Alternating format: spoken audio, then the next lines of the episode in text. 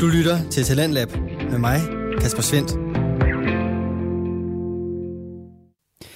Og øh, så blev det altså tid til en ny uge her i programmet på Radio 4, hvor vi præsenterer og udvikler på Danske Fritidspodcast.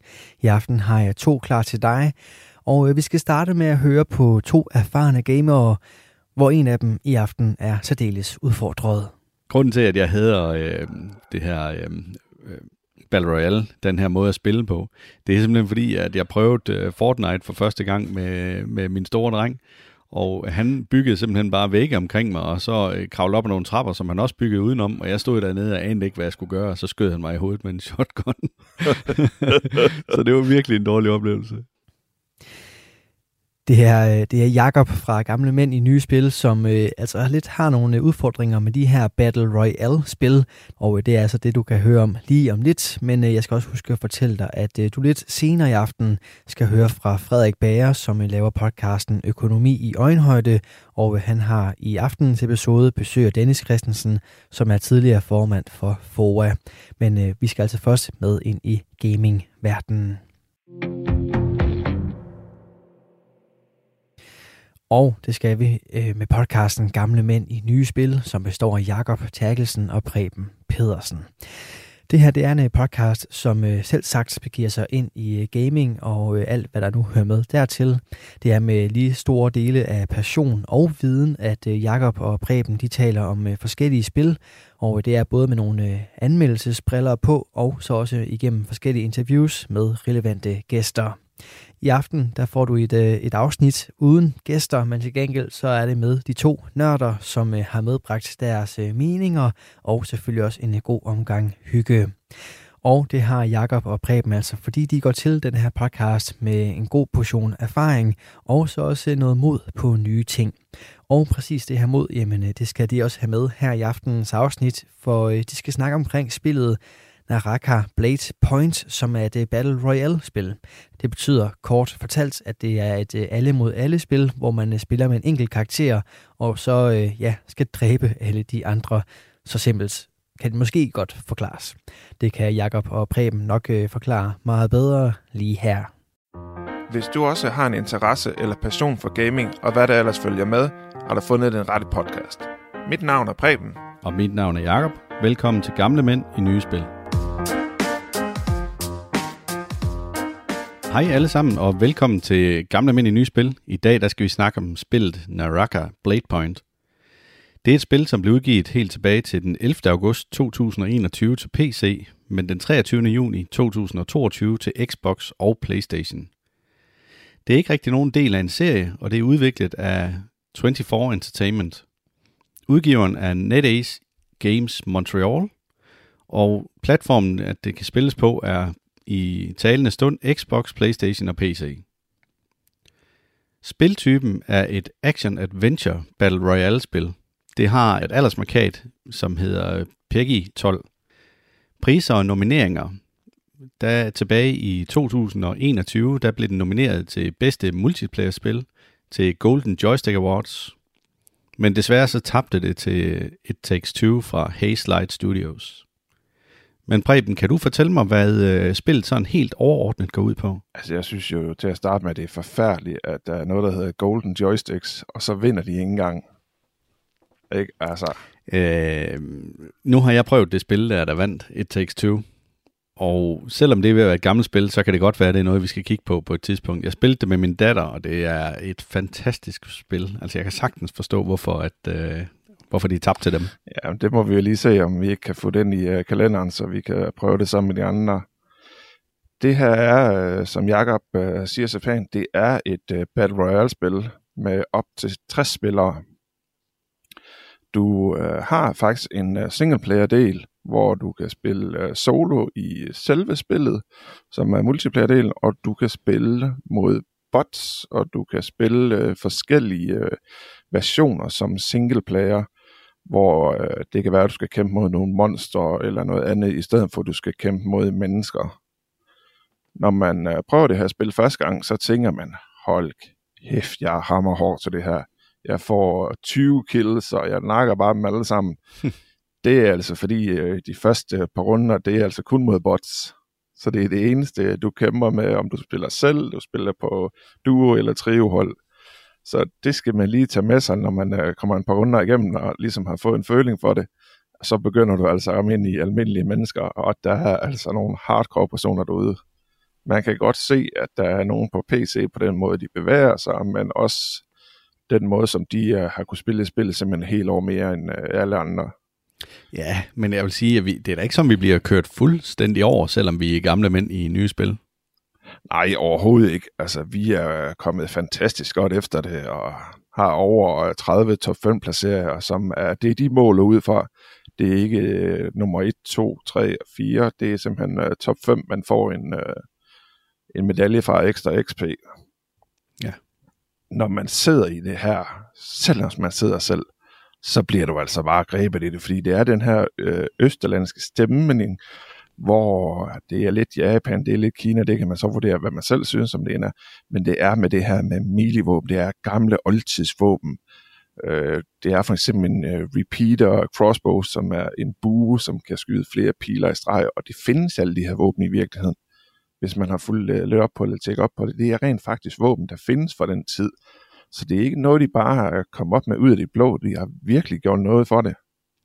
Jamen, jeg vil sige, at øh, det er du fuldstændig ret i, men det er også sådan lidt overtroisk. Altså, det er det her overtroiske samurai-univers, at man er, man er inde i. Den gang, hvor der var ninja og samuraier, som kæmpede med, med skarpe svær og, og, og bue og pil. Og, men, men til gengæld så har de jo også nogle magiske evner, og det er sikkert noget af det, du kommer ind på her lige om lidt. Eller hvad?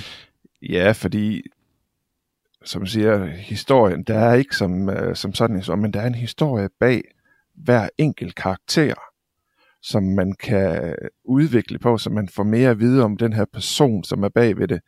Og de har sådan nogle evner, og det er noget, som øh, vi kalder det super, hvor øh, du får en ultimate evne, så du simpelthen kan blive for eksempel en stor general for gammel tid, som du næsten er umulig at slå ihjel, du kan øh, kommandere vand, du kan kommandere ild, du kan være ekstra hurtig, og så fremdeles der er en, der kan blive usynlig og komme op et andet sted, og så fremdeles der er nok af karakterer at tage fat på, som man kan spille, så det er et spil, du kan spille på mange forskellige måder, med op til 15 karakterer, så vidt jeg lige husker det.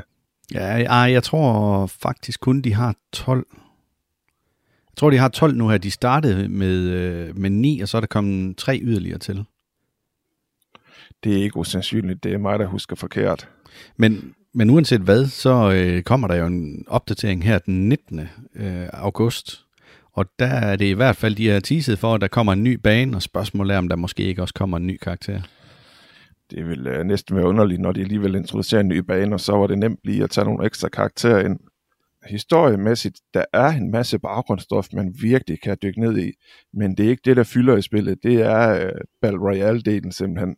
Jamen det er jo fordi, at den der historie, som du siger, det, er, det der med, at man kan låse historier op til de forskellige karakterer, det er noget, du skal læse. Så kommer der lige sådan en stregtegning af, af karakteren i en eller anden situation, og så, så kommer der en lang tekst, som du øh, kan læse til selve karakteren.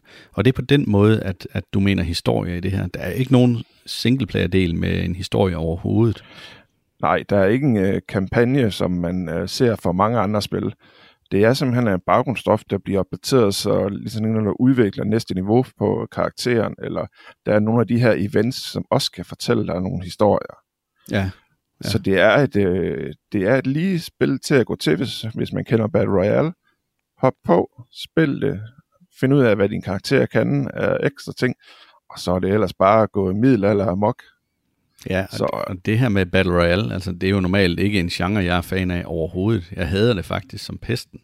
Men af en eller anden grund, så er jeg blevet grebet med det her øh, overtroiske, oldnordiske, eller, eller ikke oldnordiske, asiatiske, den stemning, der er der, og så videre. Det er, det er det her med gamle mænd i nye spil, der nu kommer, når du siger, at du hader Battle Royale.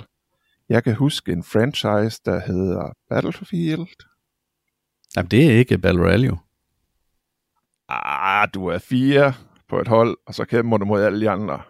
Men der er ikke sådan en ring of fire, som bliver, der krymper hele tiden. Øh, og på den måde, så ender det med, at øh, du står tilbage som det sidste hold, ah, og, og det... når du dør, så kommer du uh, ind igen. Det er rigtigt. Den skal du have så. Det var bare fordi, jeg synes Battle, eller Battlefield 2042 er så ufattelig ringe.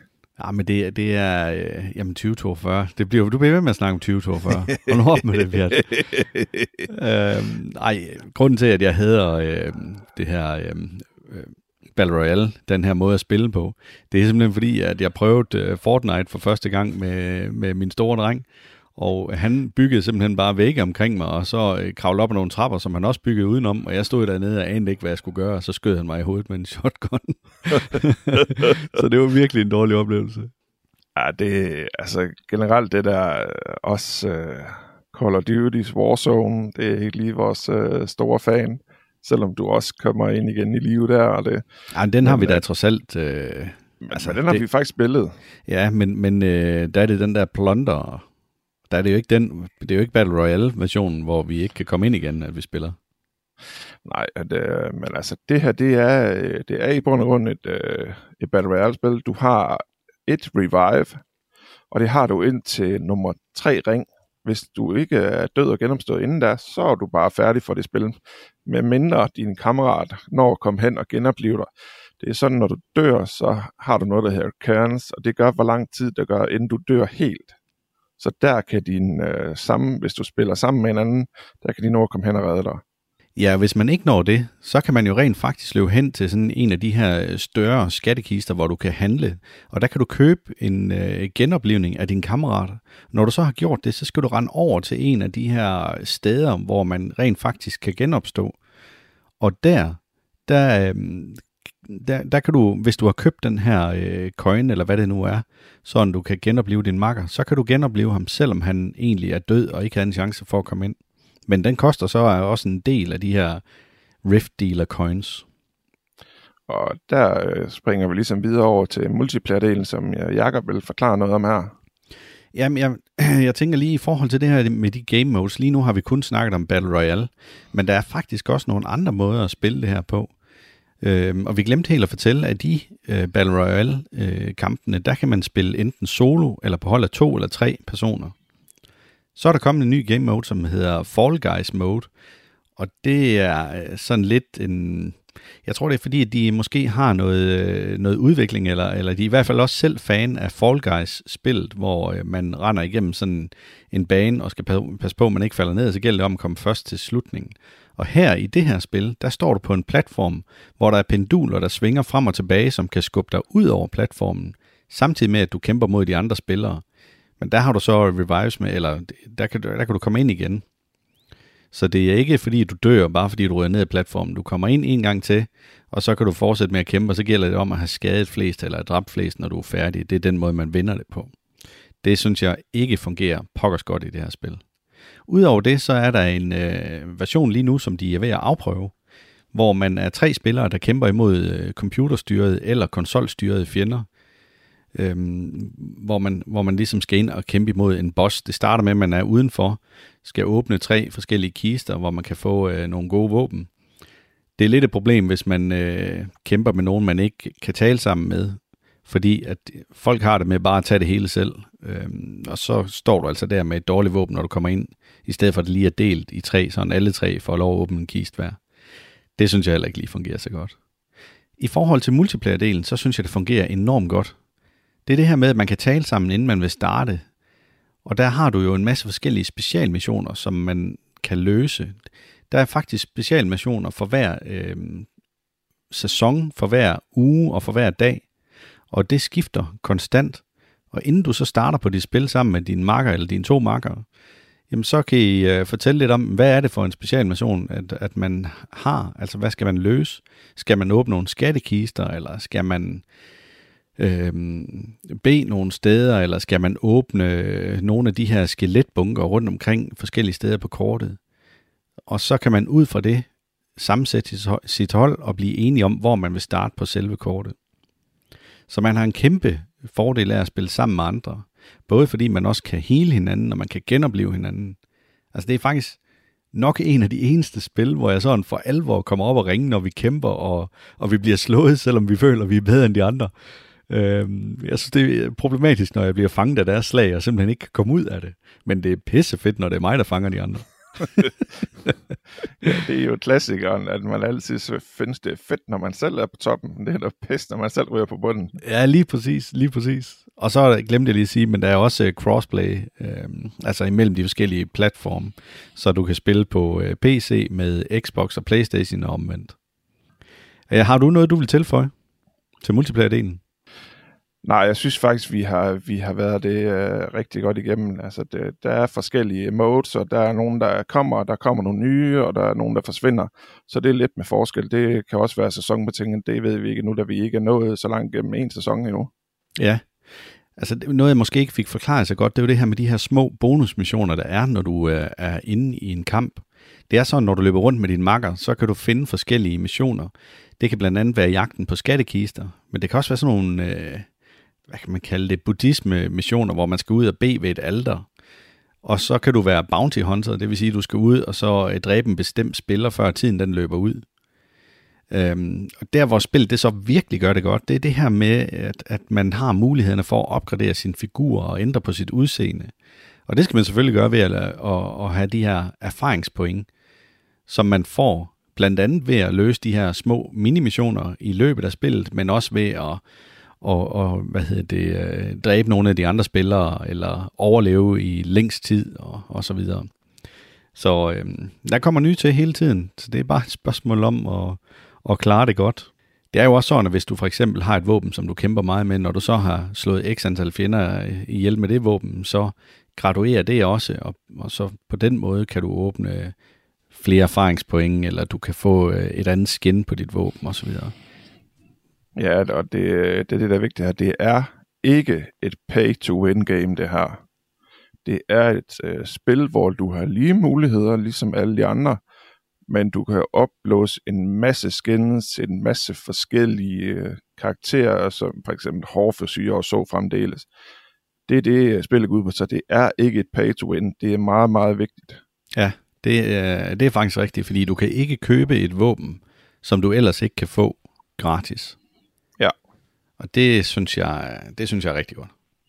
Men øh, Jakob, nu øh, springer vi videre til et af de vigtigste punkter bedømmelsen, hvor vi øh, kører 0 joystick som det dårligste, eller minus 2, hvis Jakob han virkelig havde spillet. Op til jeg tror kun, jeg har været på 0. Jeg har ikke været i minus, det må vi ikke. Det er 0, det er 0 til 10. Og 10 joysticks, hvis øh, spillet er helt fantastisk. Ja. Du lytter til Radio 4. Du er skruet ind på programmet Talents Lab, hvor jeg, Kasper Svindt, i aften kan præsentere dig for to afsnit fra Danske Fritidspodcast.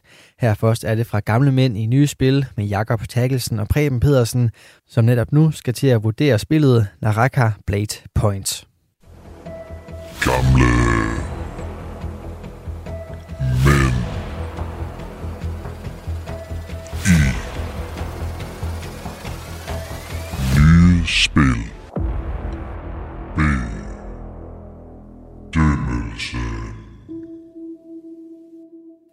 Kon, øh, kontrol og styring, Jacob. Hvor øh, du endte henne? Ja, altså kontrol og styring, den synes jeg faktisk var lidt svær på det her spil. Øhm, fordi jeg synes egentlig, det fungerer rigtig godt. Jeg kan godt lide måden, man styrer på. Øhm, måden, du bruger de her, øhm, øhm, hvad hedder det, hvad fanden hedder det, en kastekrog, eller hvad hedder det? Grapple hook. Grapple ja, hook. Hedder, Hvad hedder det på dansk? Det hedder vel... Øh, ja. Grappling hook. Kastekrog, det synes jeg lyder bedre. det er bare vores eget ord. Nå. Jamen i forhold til kontrol og styring, så synes jeg faktisk, at det her spil det er lidt svært. Fordi der er rigtig mange ting, der fungerer enormt godt i den. Jeg synes, det fungerer godt, det her med bevægelserne. Det minder lidt om øh, i gamle dage, når man spillede, eller det kan man stadigvæk, men hvis man spiller noget, der hedder Mortal Kombat, som er sådan et kampspil, hvor du kombinerer dine knapper på forskellige måder, så laver du forskellige angreb. Det er i princippet også sådan, du spiller her. Men noget af det, jeg hader, og det er også det, jeg hader ved de kampspil der, det er, når man bliver fanget og ikke kan komme væk igen. Til gengæld synes jeg, det er rigtig fedt, når jeg selv fanger dem. Det har jeg sagt tidligere.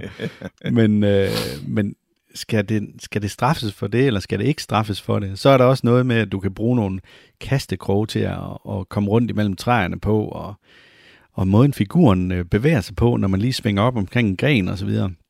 Det virker virkelig realistisk øh, og, og flydende. Men det her med, at jeg ikke kan blive fanget, det har jeg lidt svært ved at slippe. Så jeg tror, jeg måske jeg ligger på en, en syver. Selvom jeg ved, det er bevidst, når du har et hurtigt våben, så kan du selvfølgelig godt fange dem, i stedet for, hvis det er et stort, tungt våben. Så bliver du til gengæld slået om kul. Så der er fordele og ulemper ved det hele. Men jeg lægger den på en syver. Ja, jeg har lige taget en uh, nyk højere. Jeg er endt på 8.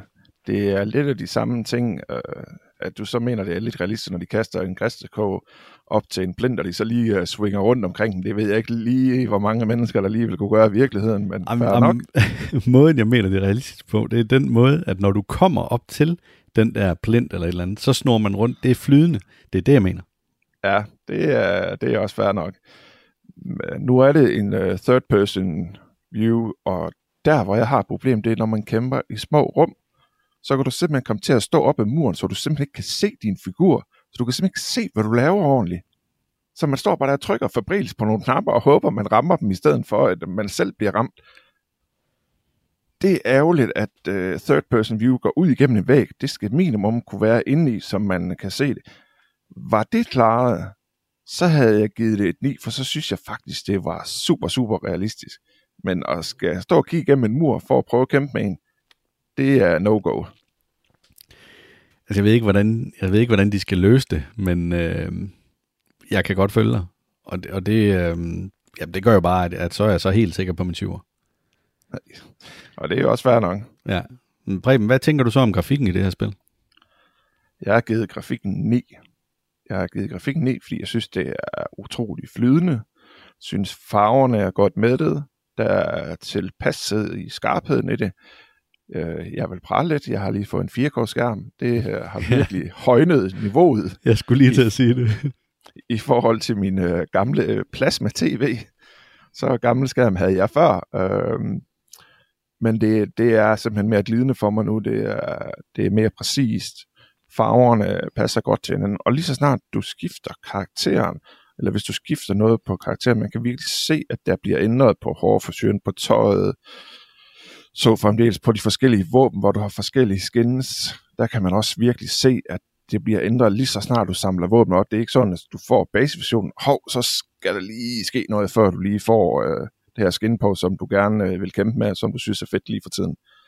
Så, øh, så derfor ender jeg øh, på en nier Ja, men det er jo sjovt, fordi at jeg ender også på en 9'er. Og jeg, jeg synes også, at det er et vanvittigt flot spil. Det er virkelig, virkelig pænt grafisk, og de forskellige effekter, der er, det, øhm, det er bare godt lavet. Noget af det, der sådan ligesom skal være lidt gennemsigtigt, det er gennemsigtigt, og vandet er utrolig flot, øhm, og så kører det bare flydende det hele. Så, øhm, så jeg er fuldstændig enig. Det er, det er en 9'er for mit vedkommende.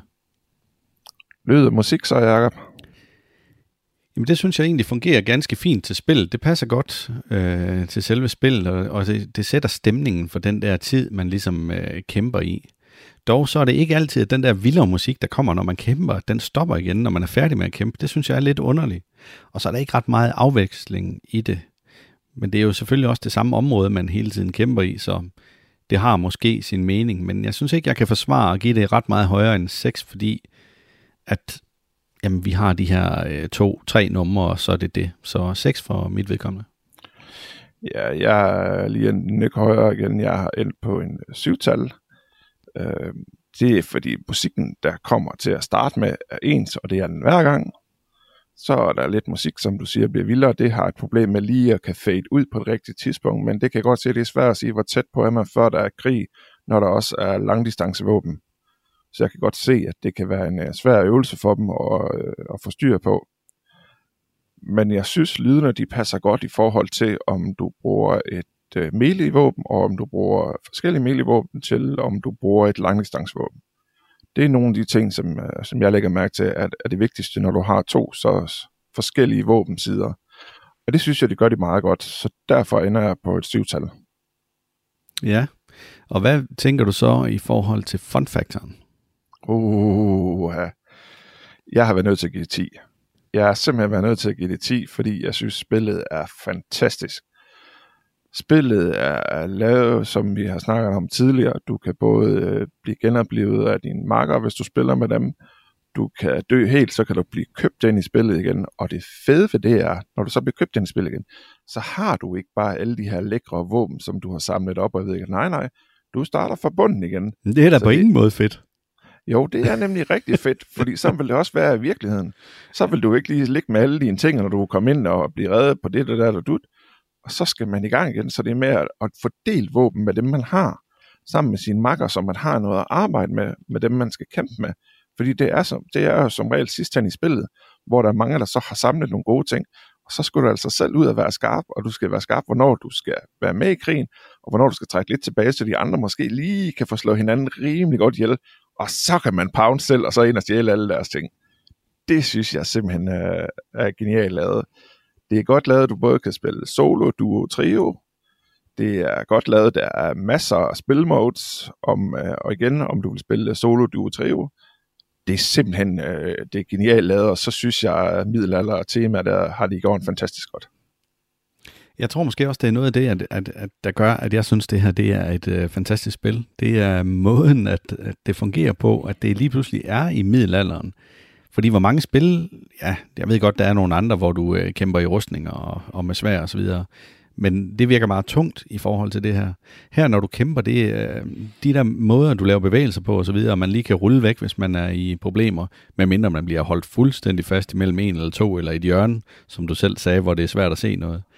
Jamen, det fungerer meget skide godt, og jeg må desværre give det ret. Det skal have en 10 det her, fordi det er bare sindssygt sjovt. Altså, som i vanvittigt sjovt. Det er, jeg er blevet lidt afhængig af det her spil. Jeg ved, jeg ved ikke lige, hvad det er, der er sket, men hold kæft, hvor er det sjovt. Ja, og nu skal det siges, at jeg sidder i den øh, ene ende af huset og spiller, og min øh, partner sidder i øh, den anden ende af huset.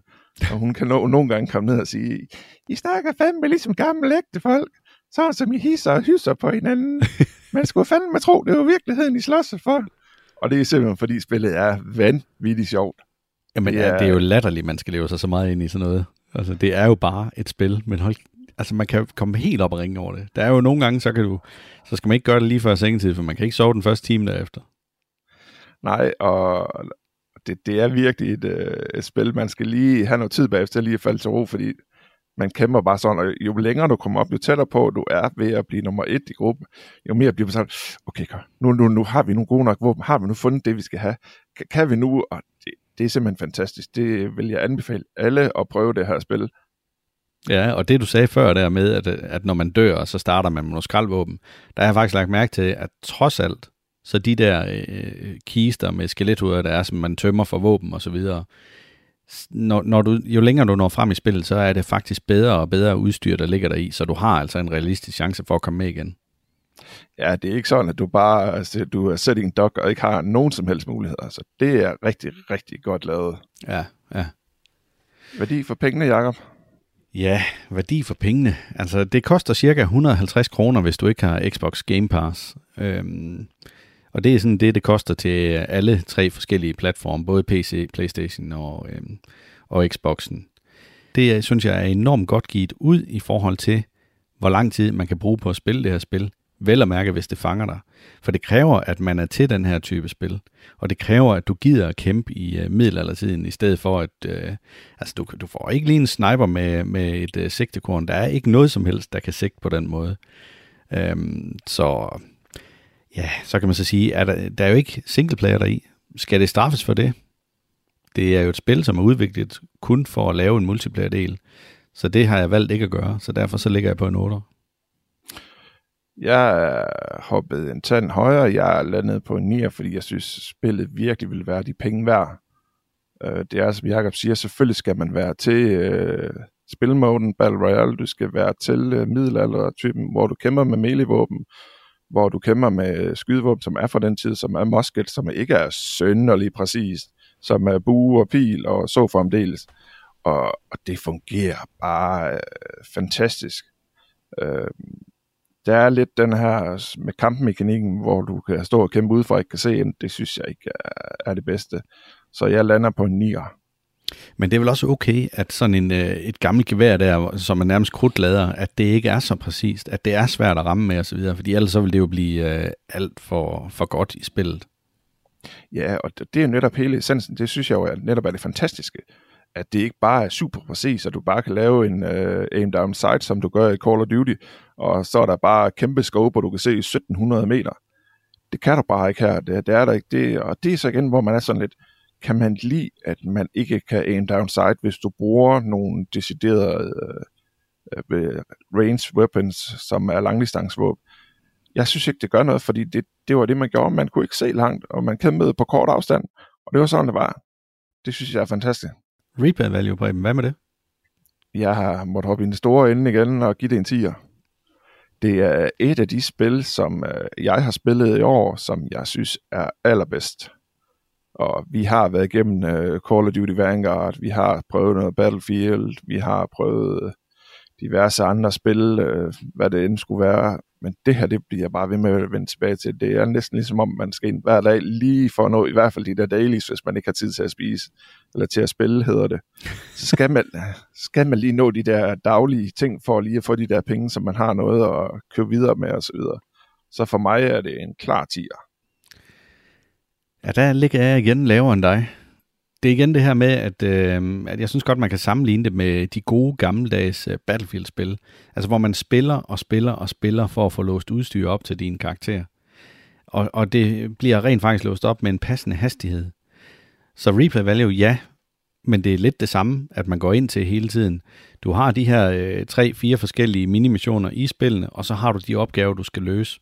Men ellers så er det det samme. Den eneste grund til det her, det er sjovt, det er fordi, at, at vi har øh, en hyggelig tid sammen, når vi spiller det, og, og man virkelig lever sig ind i det. Men til gengæld så kommer der så også et nyt map her øh, den 19. august, så vi ved ikke, hvad der sker øh, af ting og sager der, så, og, og måske en ny karakter. Og så løber jeg mærke til, at de her dual blades, de her øh, sådan store svær, man kan have, hvor du har to svær, altså en til hver hånd, som er nok det bedste våben i selve spillet lige nu i forhold til at klare sig godt. Jamen, øh, Grunden til, at de måske er det, det er fordi, at det er det seneste våben, der er blevet tilføjet til spillet, så den skal lige tilpasses, sådan at de ikke bliver for kraftige i forhold til alle de andre. Men, men jeg er på en 8 for replay value. Så øh, jeg ender simpelthen på øh, 9,1. Øh, noget af det højeste, der har været for mig, og jeg synes virkelig, det øh, lever op til det. Ja, og jeg ender på 8, og øh, det mener jeg også fuldt ud kan forsvares. Øh, det er et spørgsmål om, hvor, hvor meget man elsker det her, hvor, hvor, hvor godt det er kommet ind under huden, det her spil. Men jeg kan fortælle dig, at jeg har været inde på metacritic.com, og så se, hvad de professionelle medier, de, de siger til det her spil. Og på Xboxen, der er der kun tre anmeldelser, og der er så 21 på PC. Men de tre anmeldelser, de giver et gennemsnit på 6,2, og på PC 7,1. Hold da op. Ja, det synes jeg er vildt, og, og øh, private, de øh, har anmeldt på PC, og det er, der lander de på 6,6 jeg tænker måske, fordi kan du huske den første aften, hvor jeg lige introducerede dig til det, efter jeg havde prøvet det? Ja, det kan jeg godt. Der var du sgu ikke specielt meget fan af det her.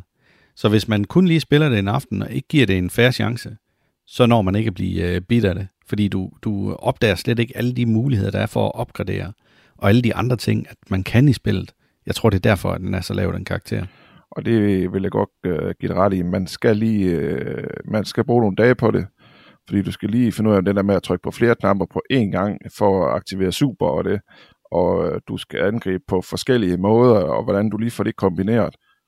Det tager lige noget tid at komme ind under, men når man først har det, så er det her et øh, perfekt øh, Battle Royale-spil for mig, fordi det er ikke for stort. Så du kan hele tiden overskue kamppladsen. De er gode til at give øh, anvisninger til, hvor den næste safe zone er øh, og du kan zoome ind og ud på kortet, øh, mens du også løber faktisk, hvilket jeg synes er fantastisk godt tænkt. Så du kan faktisk løbe, og så samtidig gå ind på kortet og finde ud af, hvor vil du arbejde hen af næste gang, så du ikke står stille og er en sitting dog. Det synes jeg er rigtig, rigtig godt tænkt. Som sidste øh, spørgsmål, Jacob. Jeg behøver vel næsten ikke at spørge, om det er jeg nødt til. Vil øh, du spille det her igen? Altså, det vil jeg da helt klart. Jeg synes, det er vanvittigt sjovt. Det er et skide godt spil. Og jeg håber virkelig, der er flere folk, der får øh, øjnene op for det her, fordi det har været min øh, absolut største spiloverraskelse for øh, år øh, 2022. Det er helt 100% sikker. Jeg er spændt på, om det også er det, når vi kommer til slut. Det var faktisk med i den der video, der var, eller showcase, der var, der Xbox de ligesom skulle vise, hvad kommer til Xbox Game Pass her igennem det næste lange stykke tid. Og der var det her en af, af spillene. Og da jeg så den der på videoen, der tænkte jeg, ja, det, ah, sådan noget øh, Battle Royale der, og med svær og sådan noget, ej, det er sgu ikke noget, jeg gider. Men på den anden side set, så fordi vi har den her podcast, så bliver vi nødt til lige at prøve lidt forskellige en gang imellem, som ikke er vores stil. Og jeg er bare blæst bagover det her spil, det må jeg sige. Ja, og, og det er også den fede del ved, at vi har den her podcast. Det er, at vi får prøvet nogle spil, vi ikke lige havde troet, som giver os nogle spiloplevelser, som øh, vi ikke vil være foruden. Vi har også nogle øh, spiloplevelser, vi gerne vil have været foruden. Øh, jeg kan sige øh, fra Jakob, dit hadespil. Altså, mit hadespil, det er jo... Øh, jamen, øh, det er Plague's Tale. Og øh, jeg, jamen, jeg havde næsten fortrængt navnet, så det er jo lige før, jeg ikke kunne huske det. Men A Plague's Tale, den øh, kan jeg simpelthen bare slet ikke klare trykket af. Så det er ikke bare fordi, vi er happy-go-lucky og synes, at alle spil er fantastiske. Der findes også spil, der bare... Det, det passer os bare ikke, men det her, det rammer bare plet. Ja, lige præcis. Altså, det er lidt svært lige at finde en farjoke til det her øh, emne her med, med, med gamle samuraier og så videre. Og jeg øh, krøbet tilbage til en uh, Chuck Norris joke, fordi jeg tænker, at han er uovervindelig, og det er de der samuraier også. Selvfølgelig. Så øh, ved du godt, at Chuck Norris engang har spillet russisk roulette med en fuld lat pistol og vundet?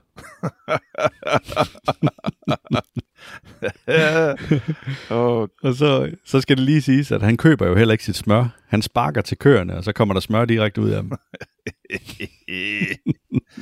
klassiker. Ja, han er, han er for sej, Chuck Norris. Han er lige så sej som de der, øh, hvad hedder det, samuraierne. Det er der ingen tvivl om. Jamen, øh, det var alt for nu. Og øh, vi har vel slet ikke snakket om, hvad vi skal have næste gang. Nej, det har vi faktisk ikke. Så det bliver en overraskelse.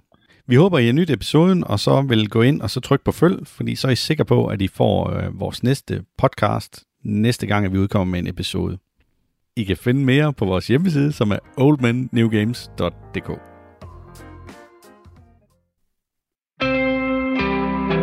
Du lytter til Talentlab med mig, Kasper Svendt. Her var det Jakob Takkelsen og Preben Pedersen, som øh, talte omkring computerspillet Naraka Blade Point, og øh, det gjorde de i podcasten Gamle Mænd i Nye Spil, som du kan finde mange flere episoder fra inde på din foretrukne podcast tjeneste. Og på de her forskellige podcast tjenester, der kan du også finde aftenens næste fritidspodcast. Den hedder Økonomi i øjenhøjde, og øh, den har verden Frederik Bager.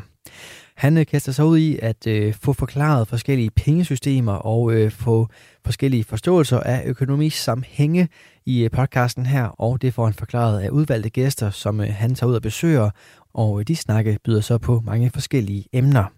I aftenens afsnit er det Dennis Christensen, som i perioden mellem 2002 og 2018 var forbundsformand i FOA, og øh, han er med til en snak omkring, hvad velfærd egentlig betyder sådan rent økonomisk.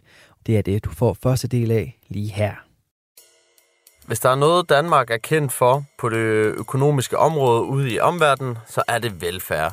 De fleste tænker måske ikke velfærd som et økonomisk emne, men det er jo trods alt betalt af vores fælles skattekroner, og hvordan opgør vi vores skat? Jamen det gør vi efter økonomiske interesser. Vil vi have mere i skat og dermed mere velfærd, eller mindre i skat og dermed mindre velfærd?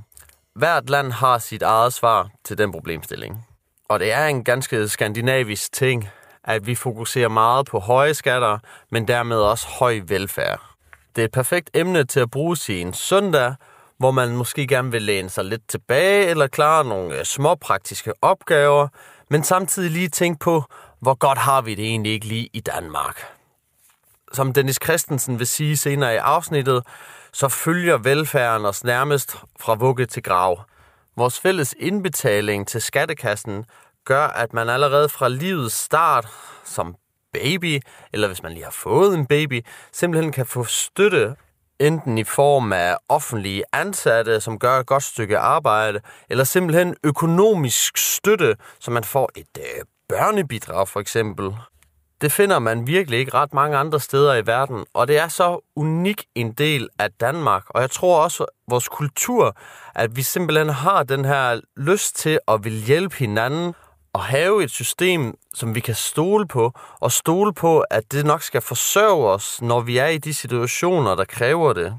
At i takt med, at livet udvikler sig, så får vi støtte til de udfordringer og de situationer, vi er havnet i.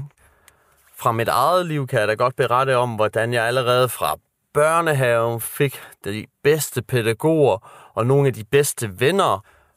De er ikke nødvendigvis en del af velfærden, men det tillader der flere mennesker, at de kan sætte deres børn i børnehaver og dermed skabe de her venskaber. Så starter man siden i folkeskolen, og man får endnu flere relationer. Man får dygtige lærere, og man får, hvad der føles som gratis bøger, og hvad der føles som gratis klassetur ud til alle hjørner af Danmark, så vi kan få en større forståelse for den natur, Danmark kan byde på, men også den kultur, Danmark kan byde på. Fordi København, det er helt sikkert anderledes end Kolding. På godt og ondt. Og når man så endelig er færdig med folkeskolen, så bliver man skulle tilbudt at komme på gymnasie eller handelsskole eller tage en erhvervsprofession. Måske noget helt fjerde. Det virker i hvert fald nemt at kunne komme videre med sin tilstedeværelse, hvis det er det, man har lyst til. Hvis man har lyst til at uddanne sig inden for det ene eller det andet, om det skal være med hænderne eller med hovedet. Jeg fik fornøjelsen af at skulle studere filosofi op i Aalborg, og der har jeg da bare fået en dejlig SU undervejs. Og til mange store overraskelse, så har jeg sgu også fået nogle dagpenge, da jeg var færdiguddannet. Ja, jeg er personligt bare glad for vores system. Jeg synes, det er der til at hjælpe en, når man har brug for det, og jeg synes, det er rart, at der ikke er en kamp om at skulle have først adgang til velfærden. Og med det tænker jeg, at hvis vores, alle vores hospitaler havde været privatiseret, og at vi skulle betale for at komme dertil, jamen så havde det været dem med flest penge, der havde den bedste sundhed, i stedet for at den bedste sundhed er mulig for den brede del af befolkningen. Velfærd har mange aspekter i sig, og hvad jeg egentlig troede ville blive sæsonens korteste afsnit, endte med at blive sæsonens længste. Det var der nogle gode grunde til, og det var en yderst spændende samtale. Også fordi vi gik i nogle retninger, som jeg egentlig ikke havde regnet med. Som altid håber jeg, at du finder samtalen spændende, og at den giver anledning til at reflektere over, jamen hvad får vi egentlig for vores skattekroner? Er velfærden den højere skat værd, eller er det egentlig noget, vi godt kunne være foruden? God fornøjelse. Velkommen til dig, Dennis Christensen. Vi skal snakke lidt om velfærd i dag.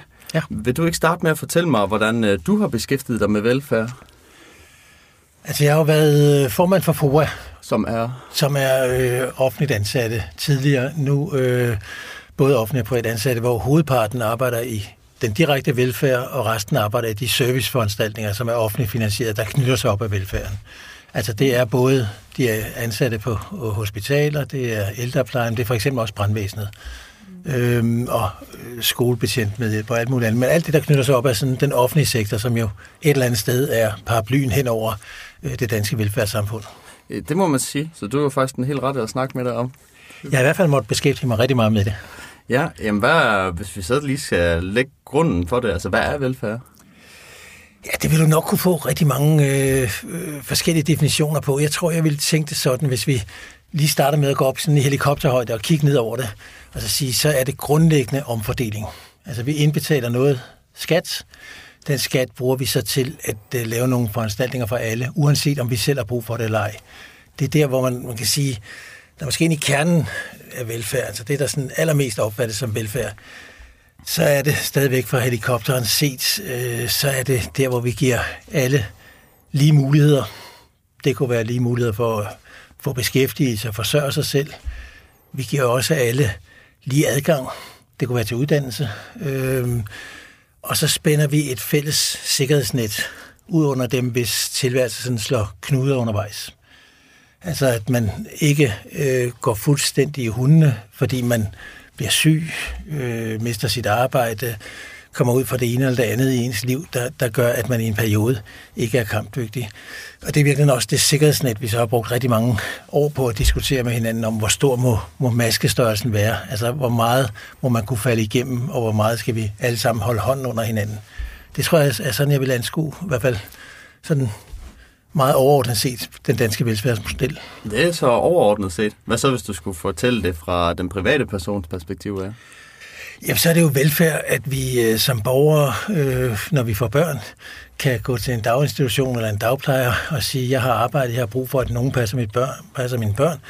Jeg vil have, at det skal være på en, en ordentlig og sikker måde. Det skal være med personale, som kan give mit barn den, øh, den gode opvækst, altså pædagogisk uddannet personale, der kan give det rigtige afsæt for tilværelsen.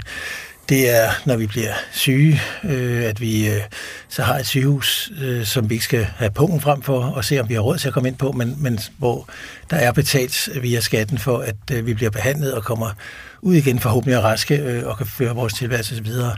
Det er også, når vi sender vores børn i skole, øh, så har vi en folkeskole, som vi i fællesskab finansierer, og som sikrer den fælles grundlæggende uddannelse, og hvis de skal videre til gymnasium, øh, universiteter osv., så, videre, så er det også alt sammen noget, hvor vi ikke kigger på, hvordan er din pengepunkt størrelse, men i stedet for kigger på, har du for eksempel evnerne, jamen så skal du også kunne, uanset hvilken baggrund du har.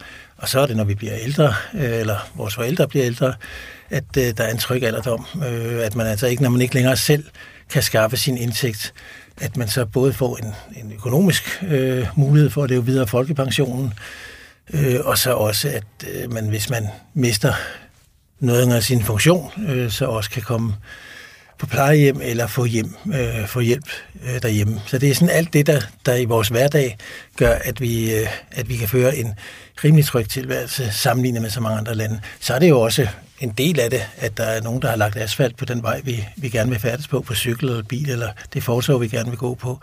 Det er sneen er ryddet, øh, og så videre, så videre. Det er sådan alt det der, der, får, der kitter et samfund med rigtig mange mennesker sammen, øh, og kan få det til at fungere. Ja, det lyder i hvert fald meget godt. Og også, øh, at det er noget, der følger en igennem hele livet. Det er, det er, en gang var der sådan en parole, der hed for at vugge til grav. Det er måske sådan lidt øh, dramatisk sagt, men, men det er jo i virkeligheden det, der sker. At ja. vi, vi føler et fælles ansvar for hinanden, fra vi bliver født til vi forlader den her øh, klode, øh, og sørger for, at øh, det ikke går helt galt. Så kan vi have mange diskussioner om, hvor meget galt det må få lov til at gå. Ikke? Men det er jo sådan mere de politiske diskussioner om, hvor langt vil vi strække ansvarligheden ud til at være, hvor meget skal velfærdssamfundet tage sig af. Ja, det skal vi nok komme lidt ind på. Øh, men det er da et meget flot billede, synes jeg egentlig. Det der med altså, fra vugge til grav, altså også at okay, du bliver født på et hospital, og du kan ja. egentlig tage afsted herfra på det samme hospital. Øh, der er egentlig en rød tråd i det. Det lyder egentlig meget godt. Hvorfor tror du det i Danmark, at der er så høj velfærd sammenlignet med andre lande? Jamen, jeg tror, der er, øh, der er flere årsager. Vi deler jo sådan, kan man sige, den type velfærdssamfund øh, med den, de nordiske lande.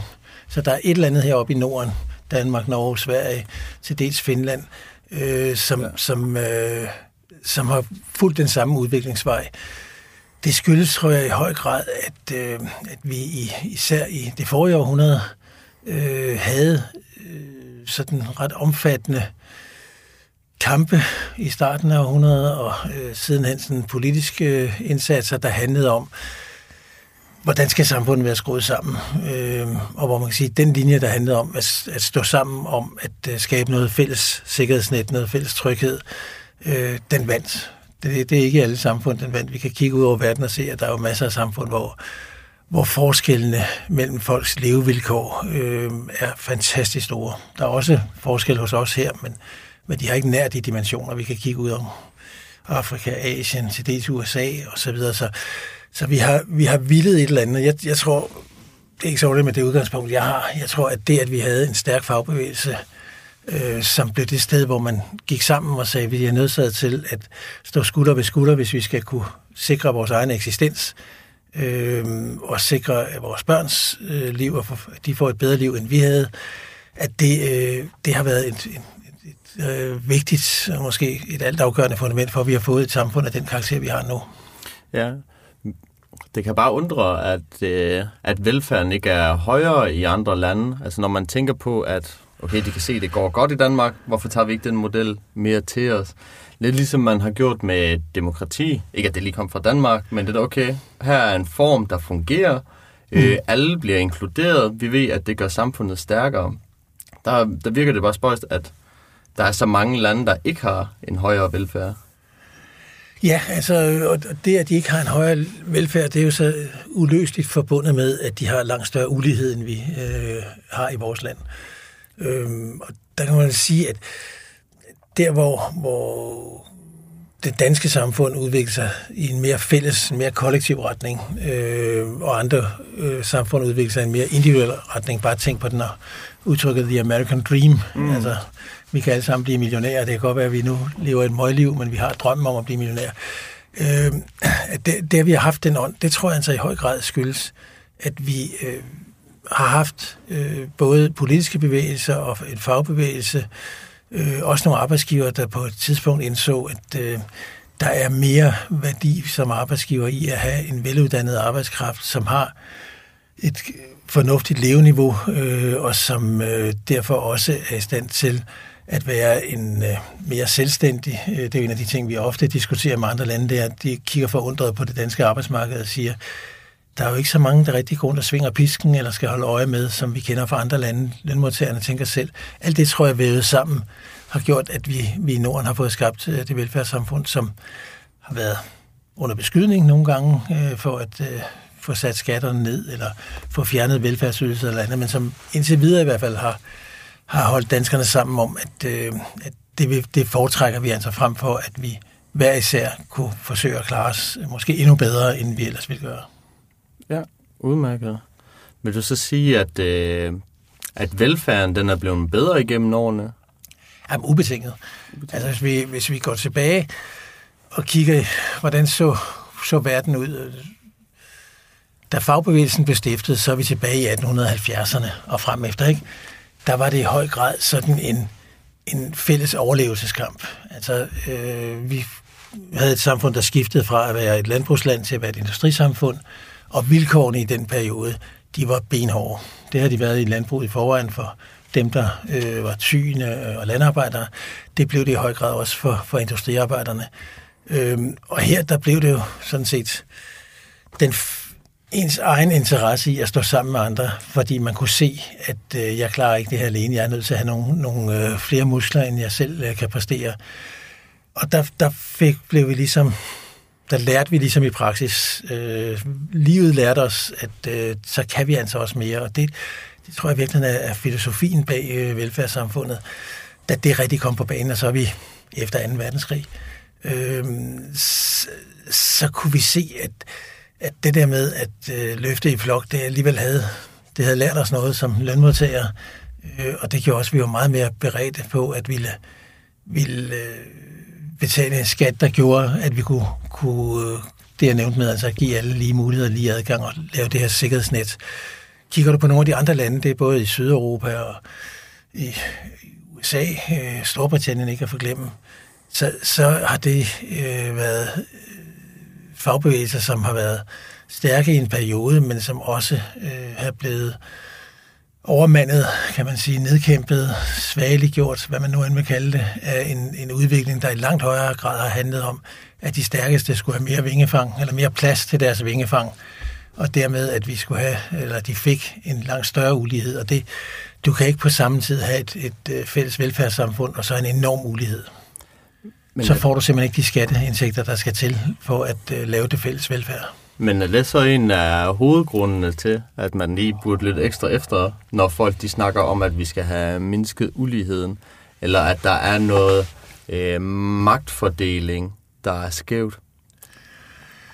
Jamen, det kommer lidt an på, hvem man er, der kigger på det. Men hvis vi tager en, en indgangsvinkel til det, det kunne være, det har givet en langt roligere samfundsudvikling end i de fleste andre lande. Altså det, at man øh, har haft en basal tryghed øh, som, som øh, medlem af det her samfund, oftest som lønmodtager, som jo var og stadigvæk er den store gruppe. Øh, hvor vi har set, at i, i andre lande, der har, har øh, det været meget mere øh, turbulente samfundsudviklinger, der har været.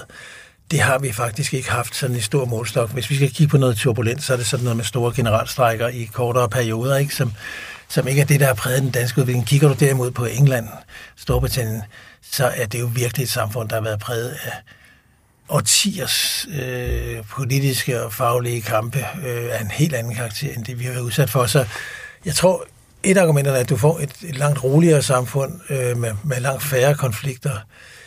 Et andet, så, et andet argument er, at du får, og det var måske lidt over til det, du, du også nævnte med demokrati du får i virkeligheden skabt forudsætningerne for et uh, reelt demokrati. Altså, jeg ved godt, vi siger, at der er demokrati en masse steder i verden, og det, det er der formelt også, men kigger vi lidt på, hvad er de borgers muligheder for rent faktisk at gøre brug af demokratiet? Og demokratiet forudsætter et eller andet sted i mine øjne, at så er vi altså alle sammen involveret, og vi er alle sammen parat til at engagere os, og vi vil alle sammen yde vores stemme til at, at være med til at bestemme, hvordan det skal gå. Ikke? Radio 4 taler med Danmark. Og vi gør en øh, kort pause ind i podcasten Økonomi i øjenhøjde med Frederik Bager, som øh, har gæsten Dennis Christensen med i denne episode. Og det gør vi altså, fordi vi lige skal have nuppet en omgang nyheder her på Radio 4. Men efter dem, så vender vi selvfølgelig tilbage til den her penge- og økonomicentrerende podcast. Men altså først en omgang nyheder fra verdens bedste nyhedsoplæser.